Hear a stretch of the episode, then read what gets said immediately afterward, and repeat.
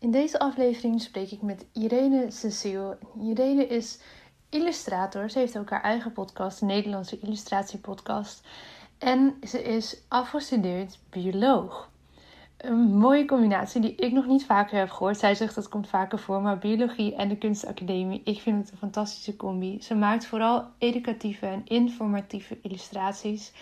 En daarnaast, eh, ze is al 13 jaar ondernemer met dat bedrijf, is zij sinds een aantal jaar ook business coach voor illustratoren die er zelf tegenaan lopen dat ze bijvoorbeeld nog niet helemaal kunnen leven van hun bedrijf, moeite hebben om hun illustraties goed in de markt te zetten en daarin willen groeien. Nou, ik vind het een prachtige combinatie, want zij is dus een voorbeeld van een illustrator, iemand met een creatief beroep, die wel degelijk een goed lopend bedrijf daarvan heeft gemaakt en nu ook nog eens andere mensen daarmee helpt. Ze vertelt over haar eigen verhaal, hoe ze vroeger heel verlegen en introvert was en hoe zij een reis heeft gemaakt daarin richting het zijn van een succesvol ondernemer. Kortom, weer een bomvolle aflevering met wijze levenslessen Luister naar een leer van Irene Cecile. Watch Your Story is ontstaan omdat ik geloof dat er achter ieder gezicht een inspiratiebron schuilt. In deze podcast interview ik Jan en Alleman, de girl next door, bekend en onbekend over hun persoonlijke en businessverhalen. Veel plezier met luisteren! Irene, welkom in de podcast. Wat fijn dat je er bent. Ja, wat leuk. Dankjewel dat ik uh, hier mocht zijn. Ja, ik vind het heel leuk, want jij doet iets qua werk wat volgens mij in deze podcast helemaal nog niet voorbij heb zien komen. Dat vind ik echt uh, tof, daar gaan we het over hebben. Maar eerst ga ik jou vragen, wie is jouw grootste inspiratiebron? Ja, ja nou daar heb ik natuurlijk al over nagedacht. Um, en ik dacht, ik heb niet per se één iemand van dat, uh, dat is dat is mijn inspiratiebron, maar meer, ik dacht, het is meer een concept van um, zelfstandige vrouwen die lekker hun ding doen. En die dat doen vanuit, uh, vanuit kracht, vanuit liefde. En dan niet vanuit een soort van ik ben sterk kracht, maar mhm. meer gewoon vanuit een innerlijke, uh, innerlijke bron of zo. En ik, ik heb er wel, ik zat ook te denken, volgens mij vroeger heb ik. Uh, bijvoorbeeld veel de boeken van Thea Beckman gelezen. En dan mhm. ehm, eh, ja, was er altijd een, een, een, meisje in een bepaald milieu waarin je dan uh, um, geacht werd om huisvrouw te worden, weet ik veel wat. Maar dan zat zij met geknipte haar op een paard te doen alsof ze een man was. En uh, lekker het, het, het, veld in en het vrije leven. Um, en dat ik dat bijvoorbeeld echt heel mooi vond. Gewoon los van, van hoe het hoort. Doen wat je zelf wil en waar je voelt van hier, ehm, dit heb ik te doen, hiervoor, hiervoor, hiervoor ja, dit, hier word ik blij van, dit, uh, dit roept mij of zo. Um, nou, en ik zat ook te denken nu, nou ja, ik, uh, Charlotte van Dwout bijvoorbeeld, ik weet niet of je haar kent. Ja. Um, ik haar ook echt wel um, nou, volg op Instagram, cursussen bij haar volgt. Ik denk, zij doet het ook echt wel heel goed. Maar ook zo iemand als Marie Kondo, de opruim, ja. Japanse opruimgoeroe, dat zij ja, in haar zo klein, frelle Japans dametje die uh, op haar knietjes uh, huizen groet, of hallo zegt tegen een huis. En tegelijkertijd een enorme business opbouwt en een Netflix-serie en ja, dat is uh, cool, hè? Ja. En, Ook, en, en juist die combinatie van dat ze en zo zichzelf is en dus in een Netflix-serie of hè, um, nog steeds op haar knietjes gaat om het huis te groeten, terwijl ze waarschijnlijk weet dat, dat veel mensen daar nou echt even aan moeten wennen. Ja. Maar dat ze het toch gewoon doet en er volledig in gaat staan. Of ze gewoon helemaal um, heel erg bij zichzelf blijft. Ja, ik denk mooi dat, voorbeeld. Ja, dat vooral heel inspirerend vind. En dat kunnen ook gewoon, nou, ik, ik noem vooral vrouwen. Ik denk dat, nou, ik ben zelf vrouw en dan vind ik het fijn om dat soort voorbeelden te hebben. Het kunnen ook gewoon vrouwen op het schoolplein zijn of uh, ja, uh, hier in de wijk of wat dan ook. Dus, ja, mooi. Ja. Hey, um, ik ben heel benieuwd natuurlijk naar jouw reis daar naartoe, want ik neem aan dat daar overlap in gaat zitten.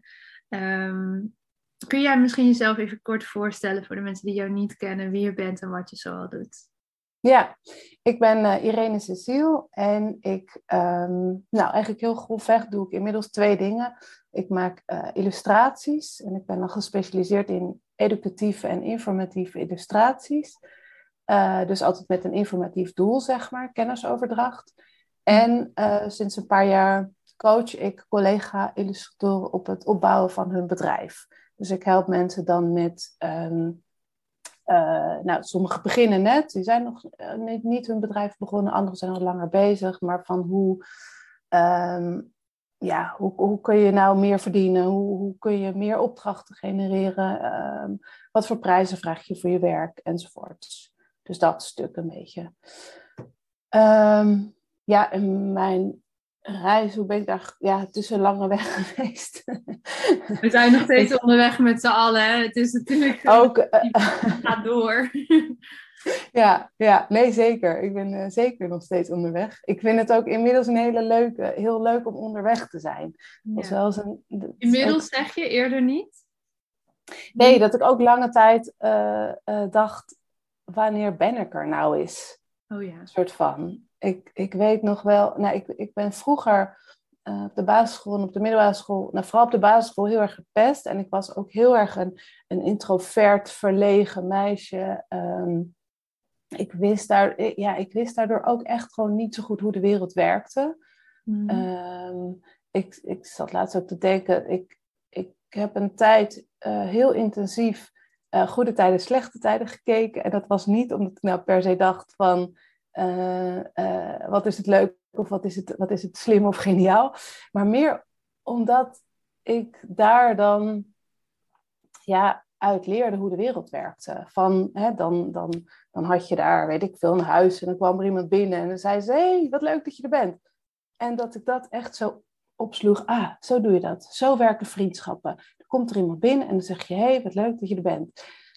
Ik, ik had gewoon, ik had geen vrienden. Dus ik heb dat nooit, nou ja, hè, tot op, natuurlijk op een gegeven moment kwam het wel. Um, maar dat ik dat op die manier leerde. Ja. En, en over dat, uh, ik zat net ook te denken, dat, dat stuk van dat ik dacht, wanneer ben ik er nou eindelijk? Dat ik ook um, lange tijd dan naar uh, nou, jongvolwassenen keek, toen ik zelf puber was of zo, dat ik dan naar, naar, naar twintigers of vijfentwintigers keek en dan dacht van, hé, hey, die zijn er, die, die, uh, die zijn niet meer onzeker, die weten hoe de wereld werkt. Um, en dat ik toen op een gegeven moment zat ik in de trein, zat ik in, een, uh, in mijn eentje in zo'n uh, vierzitsbankje, mm -hmm. schuin tegenover een dame van 80 jaar ongeveer.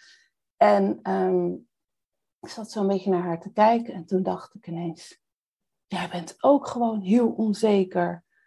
En toen dacht ik, shit, dat was echt zo'n moment dat ik dacht, het komt dus niet vanzelf. Ook al ben je een vrouw van 80, kan je nog steeds onzeker zijn. En dat ik toen dacht, oké, okay, het heeft geen zin om hierop om te wachten totdat dat vanzelf komt. Om te wachten op een bepaalde leeftijd. Dat dan ja. het kwartje viel van, oké, als ik dus me zekerder wil voelen, dan moet ik zelf iets daarmee gaan doen? Ja, dat. Nou, dat ik in ieder geval dat toen dat ballonnetje werd doorgeprikt van het komt niet vanzelf. Het is niet zo dat als je een bepaalde leeftijd bereikt, dat je dan... Dat het er dan uh, ineens is. ja, dat dan het leven van, dat je dan niet meer onzeker bent, dat het dan sociaal vanzelf gaat, dat, uh, dat je dan weet wat je wil.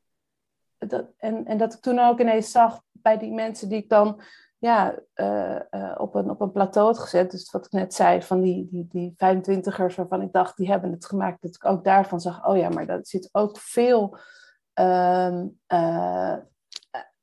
uiterlijk masker overheen, zeg maar. Over, een, over onzekerheid of, of wat het dan ook is. Ja. Ja.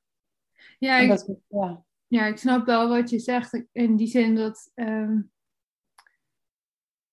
het blijft of zo. En iedereen denkt dan ja, op een gegeven moment zal het wel weg zijn. Maar het is een soort reis die, die, die doorgaat, die blijft. Alleen leer je jezelf, als het goed is, steeds beter kennen. Zodat je weet van oké, okay, uh, zo tik ik. En Mhm. ik kies ervoor om dat masker op te houden of af te zetten. Ja. En ook dat... dat... Uiterlijk vertoon, dat is natuurlijk heel erg... Ik had daar gisteren toevallig nog een mooi gesprek over met een klant van mij. Dat eh, zij ook zei, ja, ik dacht dat introvert zijn slecht was als kind. En we hadden het daarover. Ik zei, ja, onze maatschappij is natuurlijk zo gericht op extravert zijn eh, of moeten zijn om erbij te horen, om mee te komen met hoe de maatschappij nu, die red race waar we het vaak over hebben. En zei ik, moet je nou eens kijken hoe ver ons dat heeft gebracht. Weet je, het heeft ons Mhm. heel veel gebracht, maar als je puur kijkt naar de wachtlijsten bij eh, de GGZ en eh, alle problemen die er spelen, wat, wat heeft het ons nou echt gebracht? Ja, ja precies. Precies dat. En ook denk ik, ehm, eh, wat je zei van erachter komen hoe je tikt, maar dan ook dat volledig accepteren slash leren liefhebben of zo. Ja. Dat je, ehm, ja, daar gewoon helemaal, helemaal blij mee bent. Ook al, ook al voldoe je dan niet helemaal aan de norm. Nee, ja, en dat, ik vind dat zo. Dan denk je, wat is dan de norm? Hè? Dat bedenken we dan ook maar met elkaar. Maar goed, dat is een andere discussie misschien. ik ben vooral heel nieuwsgierig ehm, hoe jij dat dan hebt gedaan. Van dat stukje van, hè, eh, ja, je zegt ik was heel verlegen, introvert. Ik werd ook gepest. Ik wist eigenlijk niet zo goed hoe het moest. Nou, ik gaf net Mhm. al een mooi voorbeeld van. Je bent goede tijden gaan kijken om te leren hoe het, dan, hoe het hoort tussen haakjes. ja. Ehm, hoe is dat verder gegaan voor jou naar het punt waar je nu staat? Dat omarmen van wie je echt Mhm.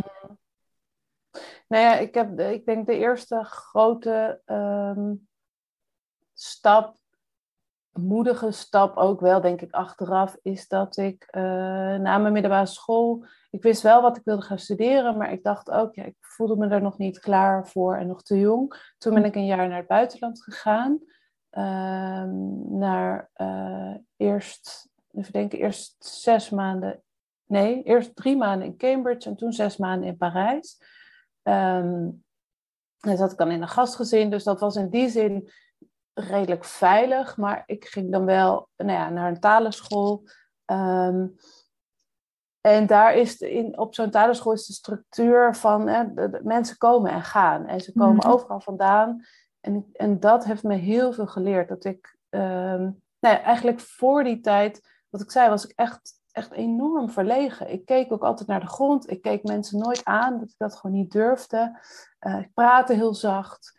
En ik denk in dat jaar in Cambridge en Parijs heb ik heel erg geleerd, ja, eh, het, het sociale stuk heel erg geleerd. En ik ging er naartoe met het idee van, ja, ik ben slecht in mijn talen, dus ik, ik, ik mag mijn, eh, mijn Engels en mijn Frans wat ophalen. Ja. maar dit was wel echt een stuk belangrijker. ehm, Ja. dan de taal zelf.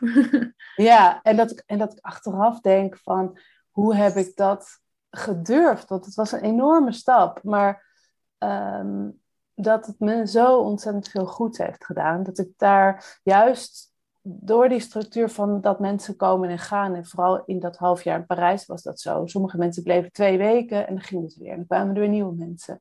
Dus dat je dan, ehm, nou, als er dan weer nieuwe mensen komen, je, bent net, je hebt net afscheid genomen van je een groepje vrienden, dan moet je het weer opnieuw opstarten. En dan moet je weer opnieuw eh, eh, zeggen, hey, ik ben Irene, wie ben jij? En Ja. opnieuw dat, dat aangaan en het, hè, het beginnen van een, van een vriendschap, van een relatie, wat dat ook dan wordt, eh, je daarin kwetsbaar tonen.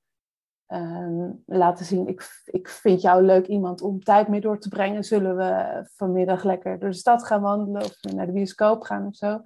Ehm, en dat dan onderhouden vervolgens. Of eh, als het toch tegenvalt, dat dan ook. Netjes een soort van afscheid nemen. Eh, ja. Precies, ja, al die, al die dingen bij elkaar. Ja, ja, ja. Hey, voor we verder gaan, ik wil jou heel even vragen of je misschien eh, jouw oortje een beetje bij jouw haar weg kan halen. Want ik hoor dat hij heel erg ritselt. Oh, en ja, ik dat weet niet of de luisteraars dat ook horen, maar ik dacht voor de zekerheid, voor we verder praten. ja, Zo. goed dat je het zegt. Haar naar de andere kant, oortje. Ja, hopsa. Dank je. ja. Nou, wat stoer dat je, dat je dat bent gaan doen. Ik kan me voorstellen dat je nu nog wel eens afvraagt van hoe heb ik dat dan gedurfd op dat moment, wat je net zei. Ik snap die gedachte wel. Ja, ja, en achteraf, en dat, en, dat, en dat kan ik nu pas zien hoor, dat ik achteraf wel eens denk van volgens mij was dit ook gewoon een soort intuïtie, dat ik dacht, ik moet dit doen. Dit is nu, ehm, ja. En hoe vonden bijvoorbeeld jouw ouders dat dan? Want die zagen waarschijnlijk ook een heel ander kind weer terugkomen. Ja, uh, nou ze stonden er sowieso heel erg achter, maar we hebben het er nooit zo over gehad. Dat zij een ander kind terug zagen komen of wat dan ook. Nee, dat niet. Nee, nee. Nee, maar ze waren wel heel ondersteunend. En het was natuurlijk ook... Uh, het was... Nou, ik zit te denken, ik had toen net wel een mobiele telefoon, maar dat was dan zo'n heel oud ding, eh, zo'n Nokia dingetje met sms. Ja. Uh, dat kostte ook allemaal heel veel geld. En ze raden toen ook af van als je dan uh, net daar bent, ga dan niet bellen met je ouders, want dan krijg je veel te heimwee. Maar ga brieven schrijven. Uh, nou, en ik kon dan wel af en toe, één keer per week of zo, mocht ik wel op de computer en dan mocht ik een mailtje schrijven. ik kan je nu ook niet meer voorstellen dat dat zo ging. Ja, nee, ja. Was er al een computer tenminste, maar ja, dat is zo snel veranderd in, in zo'n korte tijd. Ja, maar dat is, dat is ook wel weer goed, want daardoor werd ik echt echt het diepe ingegooid. Ja. ja. was ik echt daar inderdaad. Toen moest ik het maar rooien, ja. ja. En je zei, je wist eigenlijk voordat je wegging wel al wat je wilde gaan studeren. Is dat gebleven na dat jaar of is daar dan toch nog weer iets veranderd? Nee, dat is wel, uh, wel gebleven. Ik wilde biologie uh, studeren, dus dat heb ik gedaan. In Leiden biologie gestudeerd. Uh, dat was ook echt heel fijn, een hele fijne sfeer, fijne keuze, goede leuke mensen ook daar. En dat ik toen ook voelde hè, met mijn inmiddels social skills, dat ik dacht van, oh, ik kan dit nu. En nu ontmoet ik echt soort van mijn soort mensen. Daarvoor was het ook, in Parijs was het ook echt leuk. En echt, maar dat was misschien toch iets meer nog op de oppervlakte. En daar dat ik echt, echt bij biologie echt merkte van, ja, dit, dit gaat weer een niveautje dieper qua mm verbinding, qua hoe we bij elkaar passen.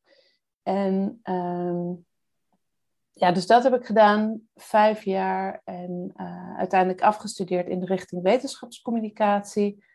Um, en de ja laatste jaren van mijn studie deed ik al een soort van bijvakken aan de kunstacademie. Gewoon als hobby mm -hmm. uh, in de avonden. En uh, toen heb ik op een gegeven moment besloten, ik ga een jaartje kunstacademie doen. Of tenminste, dat, dat leek me leuk. Heb ik toelating gedaan, toegelaten ja, het was ik eenmaal bezig en toen was het zo leuk. Dus toen heb ik ook die studie afgemaakt. Wat cool. Ja, ja. En daarna zo, eigenlijk... Zo'n toffe combinatie, want je hoort, die combinatie hoor je zelden, denk ik.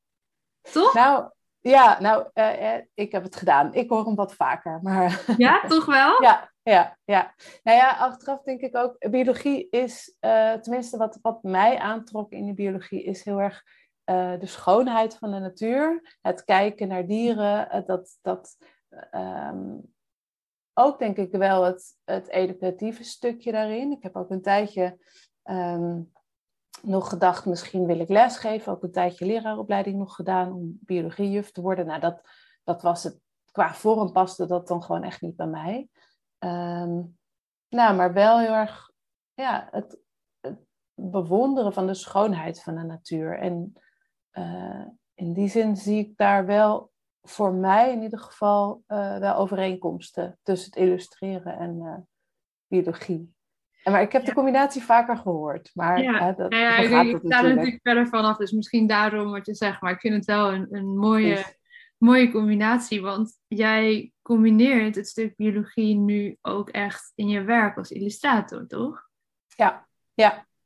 Ja, ik heb me dus, uh, wat ik zei, gespecialiseerd in informatieve, educatieve illustraties. Ik doe veel ook op het medische vlak, dus ik maak veel ja. uh, infographics of, of, folders voor uh, ziekenhuizen, voor huisartsen.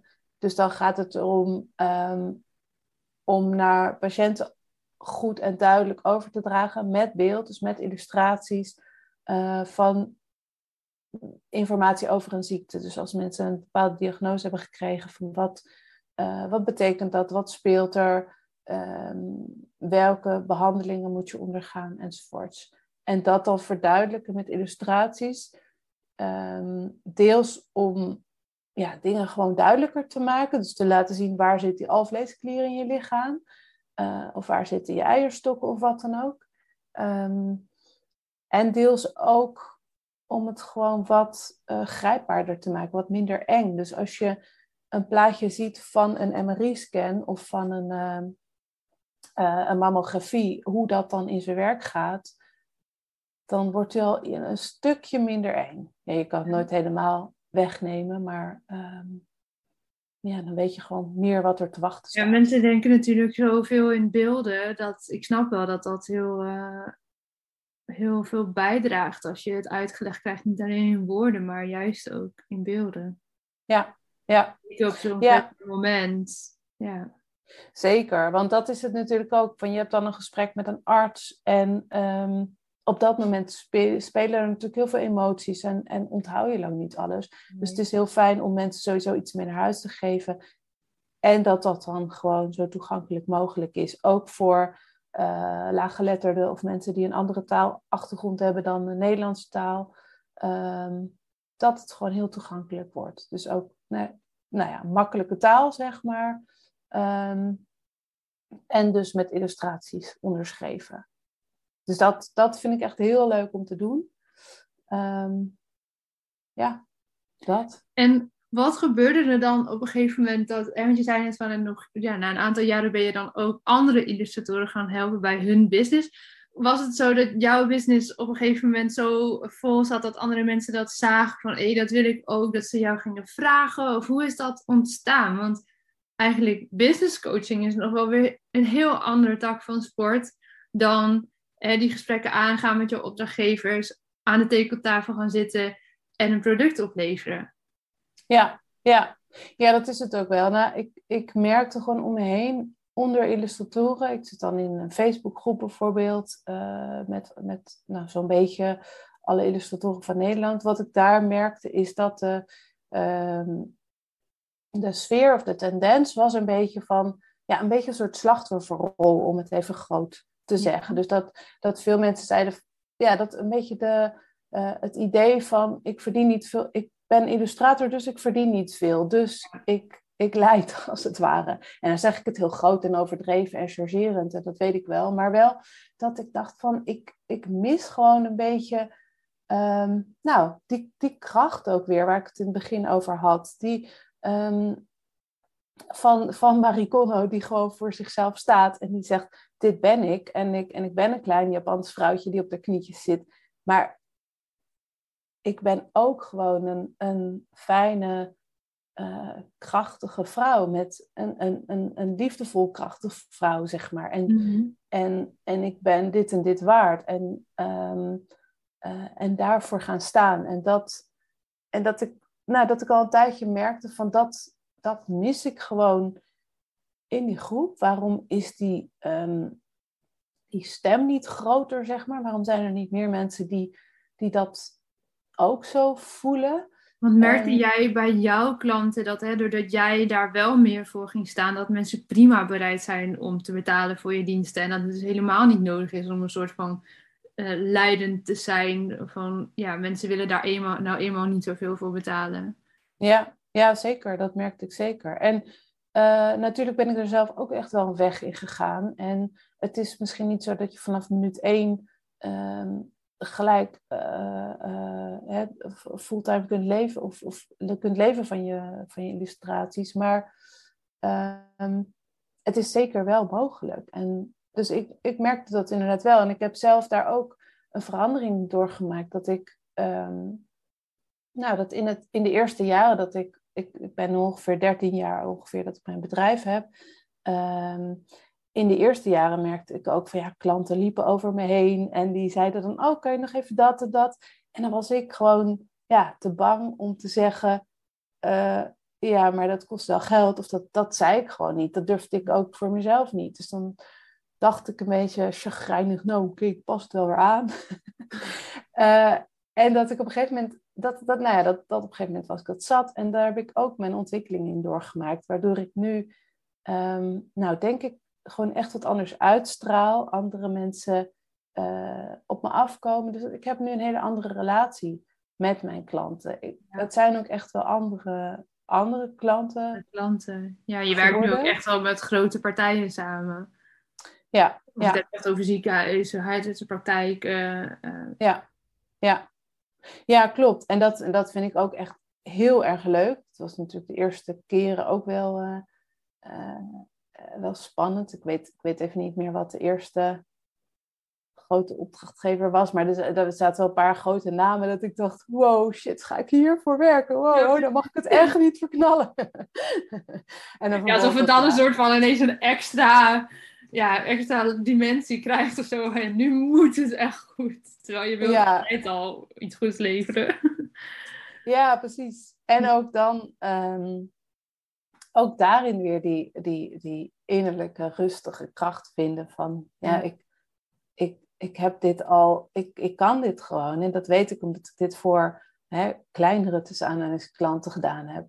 Dus waarom dan niet voor een grotere opdracht of grotere opdrachtgever? Waarom niet? En ehm, ja, nou ja, en dat, en dat, dat, dat vergt wel wat, uh, wat innerlijk werk. Maar en hoe zie jij dat nu dan bij jouw klanten die je begeleidt? Hè? Want daar begonnen we mee van ja, dat business coaching, dat is natuurlijk echt nog wel weer een tak apart.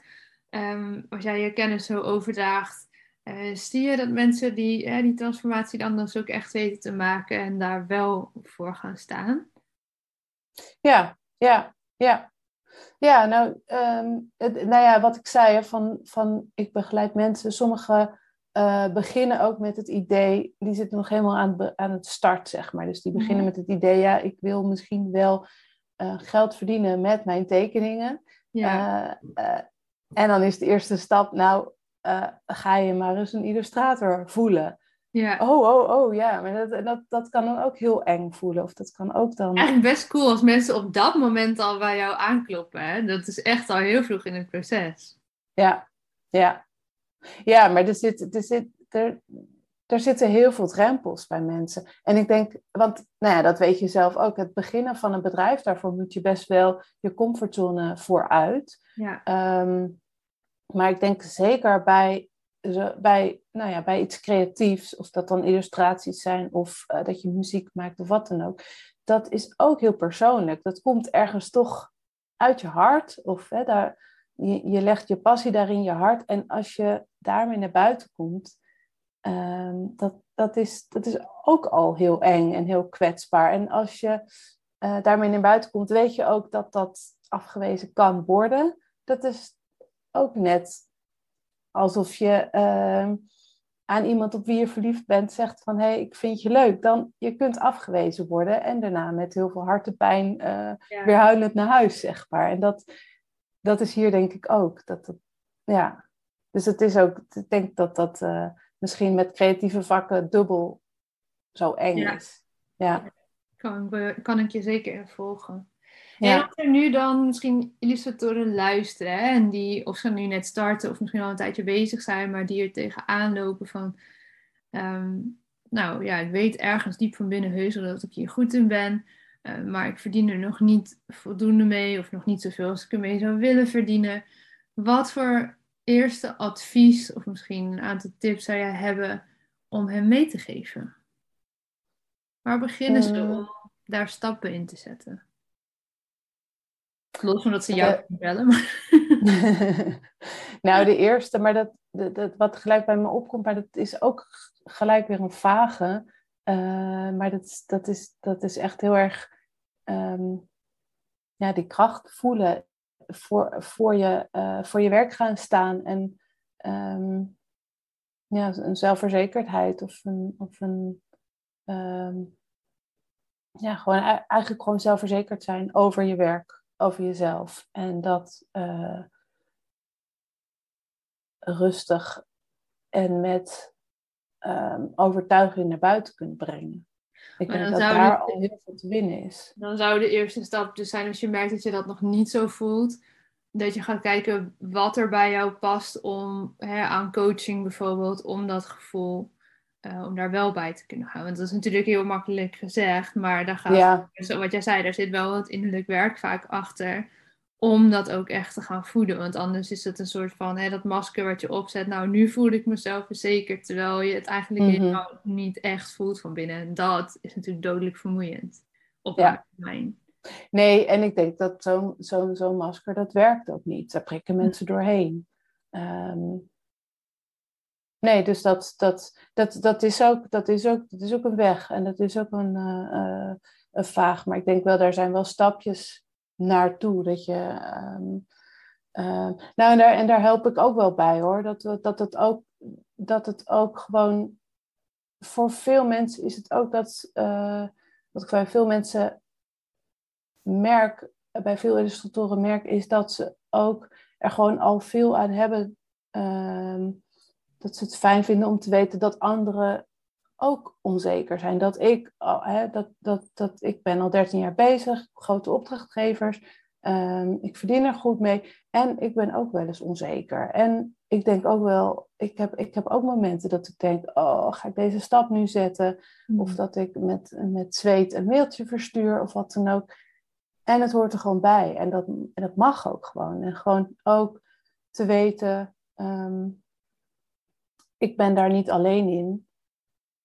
En dus eigenlijk verschil ik niet zoveel van de anderen. Ik kan goed tekenen en ik voel me onzeker. En, en ik mag me illustrator voelen. En ik mag hier gewoon voor, voor gaan staan.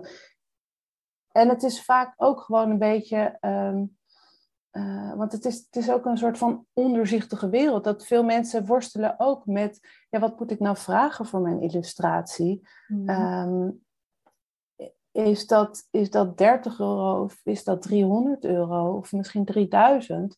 Ehm, het ook gewoon daarover te hebben en, en daarover te kijken van en wat, en wat voel je bij die bedragen en waarom zit er een blokkade op? Of ja. gewoon dat ja, ik vind het daarover hebben. Dat je dit zo noemt, want um, ik heb jou daar al kort eerder zo wat over verteld. Volgens mij zo net vroeg je van, nou ja, want ik had afgelopen weekend, het weekend voordat we deze podcast opnemen, niet het weekend voordat je hem nu luistert, maar mm hadden wij een hele mooie verdiepingsdag voor onze eh, deelnemers aan een training die noemen we straalangst. En die gaat heel erg over eh, niet bang zijn voor als het niet lukt, maar wat als het wel lukt. En uitzoeken van, ja, waar uh, komt bijvoorbeeld die onzekerheid vandaan of waar komt een overtuiging op je money mindset vandaan die niet helpend is.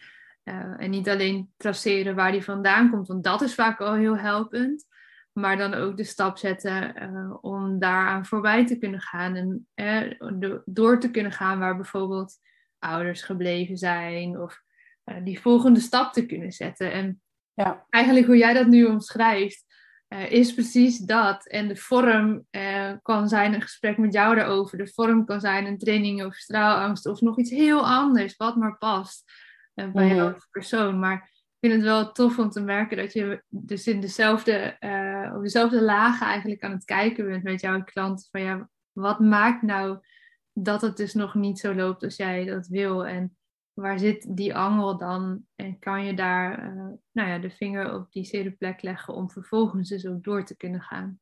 Ja, ja precies. Ja, nou wat je zegt, um, straalangst, ja, ik, ik herken dat ook heel erg. Of tenminste, ik heb daar ook uh, um, nou, mee, uh, mee gedeeld, zeg maar. En niet dat ik het nu helemaal niet meer heb. Allemaal blijft, hebben we dat. blijft ook een reis, ja. Tuurlijk. Ik bedoel, ik heb dat ook af en toe nog. Ik denk, wow, ga ik dit nu doen? Wat jij zei, soms ga je een volgende stap zetten en dan voel je echt weer even... Ah, ga ik dit echt mm. doen? Ja, allemaal mensen, we hebben het allemaal af en toe. ja, ja, precies. Maar wel je daar bewust van te zijn en dan te weten wat dat dan is. En uh, jezelf de toestemming geven om om inderdaad te stralen. Dat ik ook denk dat we, en misschien is dat iets, iets, iets Nederlands of iets Europees, weet ik veel, maar ehm, dat we soms als maatschappij het idee hebben dat je jezelf uh, klein moet houden om anderen niet in verlegenheid te brengen. Om, ja. Dus ja, dus Um, net, net zoals... Als jij groter wordt, dat de ander dan kleiner wordt. Terwijl als jij groter wordt, kan de ander mee groter worden.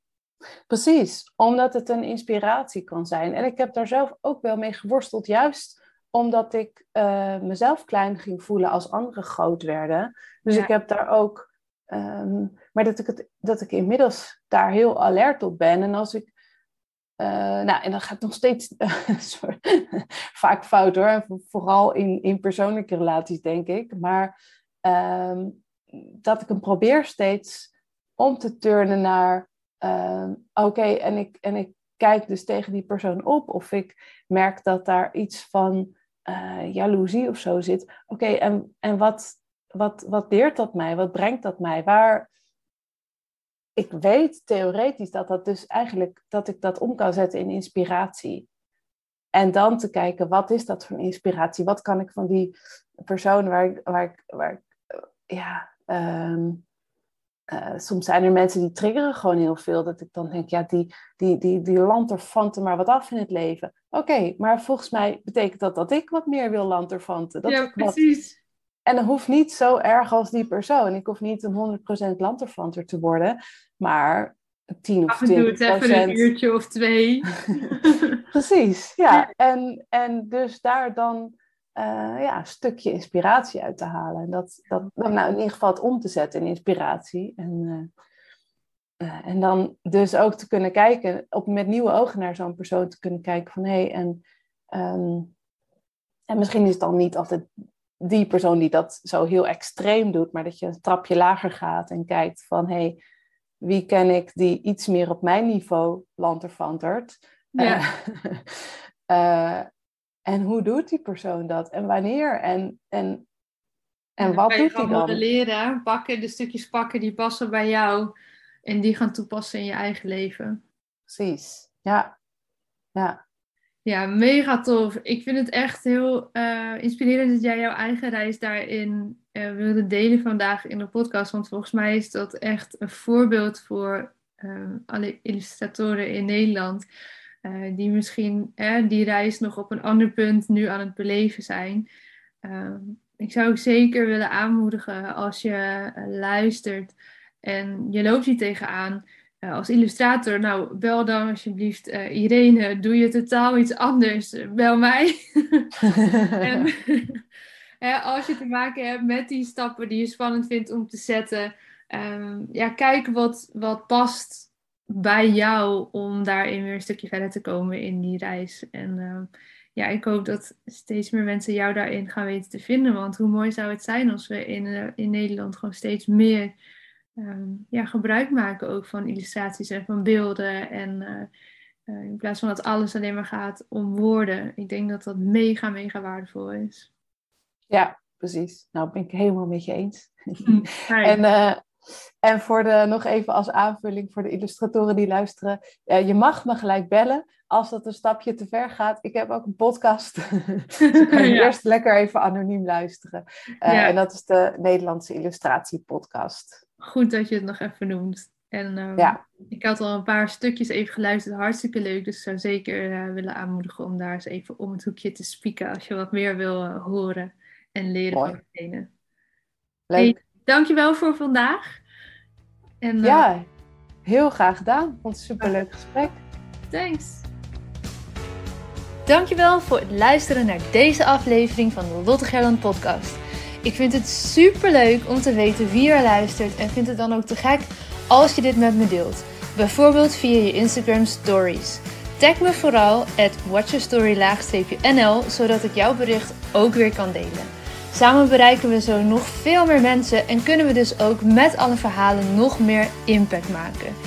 Heb je nou zelf een inspirerend verhaal dat je eigenlijk graag zou willen inzetten voor de marketing en communicatie van jouw bedrijf, maar kom je er niet helemaal lekker uit?